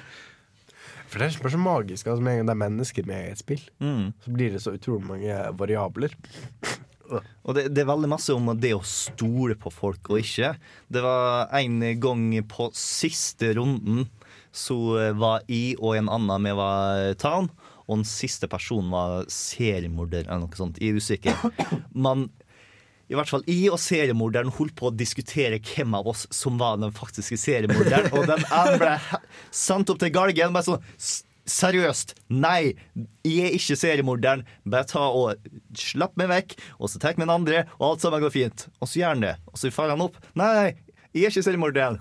Og så frem og tilbake, frem og tilbake, og så trodde jeg at de endelig har overbevist den siste personen. Og nei da. Jeg klarte ikke det. Jeg ble hengt. Og morgenen etterpå så var det kun seriemorderen som var igjen i livet. Men det, det, det som er litt artig, er at det må jo bestandig være to stykker til for å stemme en person opp på den galgen. Mm. Så, så det har jo vært scenario der det bare er én person fra byen og en seriemorder som står igjen. Og så venter de da på at det skal bli natt. Så sitter han bare Howdy, neighbor. How you doing? So, wow. Og det utspiller seg sånn inni hodet mitt, da, så bare ser du at de sender sånne Han ene han står attmed hekken og sånn Klipper klipper hekken, sant? Mens andre bare «Øh, Burde ha kanskje flytta. Billige hus her. Men er det, altså, er det folk som rollespiller i Town of Salem? Oh, ja, ja. Du har de som f.eks. har et navn om at de er crazy, oppfører seg helt crazy. Og så har du de som finner en tilfeldig person som har et navn som passer deg. For eksempel eh, i med på at da vi spilte, så het du Your Daddy, og det var noen som bestemte seg for å bare bli sønnen din. Jeg var, jeg var, jo, jo, jeg var, jeg var conservative dad, så jeg satt der og fortalte om liksom sånn Ja, nei, ungdommen nå til dags, så de gjør altfor lite. De skulle ha vært sendt inn i hæren og lært seg å bli voksen, dem òg. Og så var det en som plutselig ble sønnen min. Men eh, Fikk du utlevert liksom character conservative dad? Nei, nei, nei, nei. det var du som Jeg bare valgte navnet, og så leste jeg som jeg var en conservative dad. Mm. Det er liksom da tilfeldigheten med 15 tilfeldige personer med, som oppføres på helt forskjellige måter, som gjør at uh, Town of Salem er et artig spill å spille igjen og igjen. Ja, for det, jeg vet, På World of Warcraft og sånn, så er det egne role-playing servers. Er det sånn egen role-playing Town of Salem? Så er det, Nei, det er alt som er tilfeldig. Ja. Jeg, jeg synes alltid, Kanskje det er derfor jeg driver med live, men jeg syns alltid det var noe av det morsomste med Mafia. Var liksom Å virkelig sånn leve seg inn i rollen. Og liksom. Men det er veldig sånn at eh, det virker som at det er lagt opp veldig både fra spillernes side og fra dem som har laga spillet, at det skal være rollespilling her. Så selv om det kommer folk som er sånn 'Jeg skal vinne, jeg skal vinne, jeg skal vinne', så ignorerer de i, I verste fall så ignorerer de rollespill. I beste fall så er de litt på leken likevel. Mm. I, uh, så Town of Salem Det er et spill du finner på Facebook. Yep. Alle Alt steder. gratis. Det er kanskje det første Facebook-spillet vi har anbefalt. Her på Elite. Eh, Nei, nei. det er det praten her. På Nerdeprat, ja. På Kontroll Elite så har jeg aldri anbefalt blant annet You Don't Know Jack. Nei, Ja, nei, jeg jeg snakka veldig varmt om Candy Crush den første episoden jeg var med. oh, ja. Det Så var det den andre episoden jeg hadde spillet. glemt. Det som jeg har visket ut fra hukommelsen min. Ja. Men neste uke så er det ikke Facebook-spill vi skal snakke om. Nei, hva skal vi snakke om neste uke? Neste uke så skal vi ta og sette oss ned og snakke om The Legend of Zelda. Og da er det Hanna som skal være programleder, og eh, vi skal snakke veldig løst om fast om hele den serien. Og du har ikke spilt Zelda, Anders. Andreas. Andreas. Eller fordi Er dette Er det i dag jeg, Er det nå jeg skal avsløre det? Å ja. Oh, ja. Den store avsløringen. Jeg har spilt Selda. Det første Selda. Eh, vi satte oss ned her i kjelleren på eh, kontoret og eh, på sofa og spilte eh, Er det The Legend of Zelda det første heter? ja. Eh, og det var veldig gøy. Og jeg var skikkelig, skikkelig dårlig i det spillet. Eh, og vi tok det opp It's on tape. Eh, så kanskje um, Jeg vet ikke når Planen for øyeblikket ja. er at det skal komme ut på tirsdag. Eh, forhåpentligvis har vi første episode da. Så da kan du se meg Mm. eh, dø veldig, veldig veldig mange ganger i Selda. Yep. Og neste uke så kan du høre oss snakke om Selda. Eh, det var alt vi hadde for i dag. Nå skal du få uh, Anything But Tangerines av to Tommy Tallarico, det er da artisten, fra spillet Earthworm Gym 2.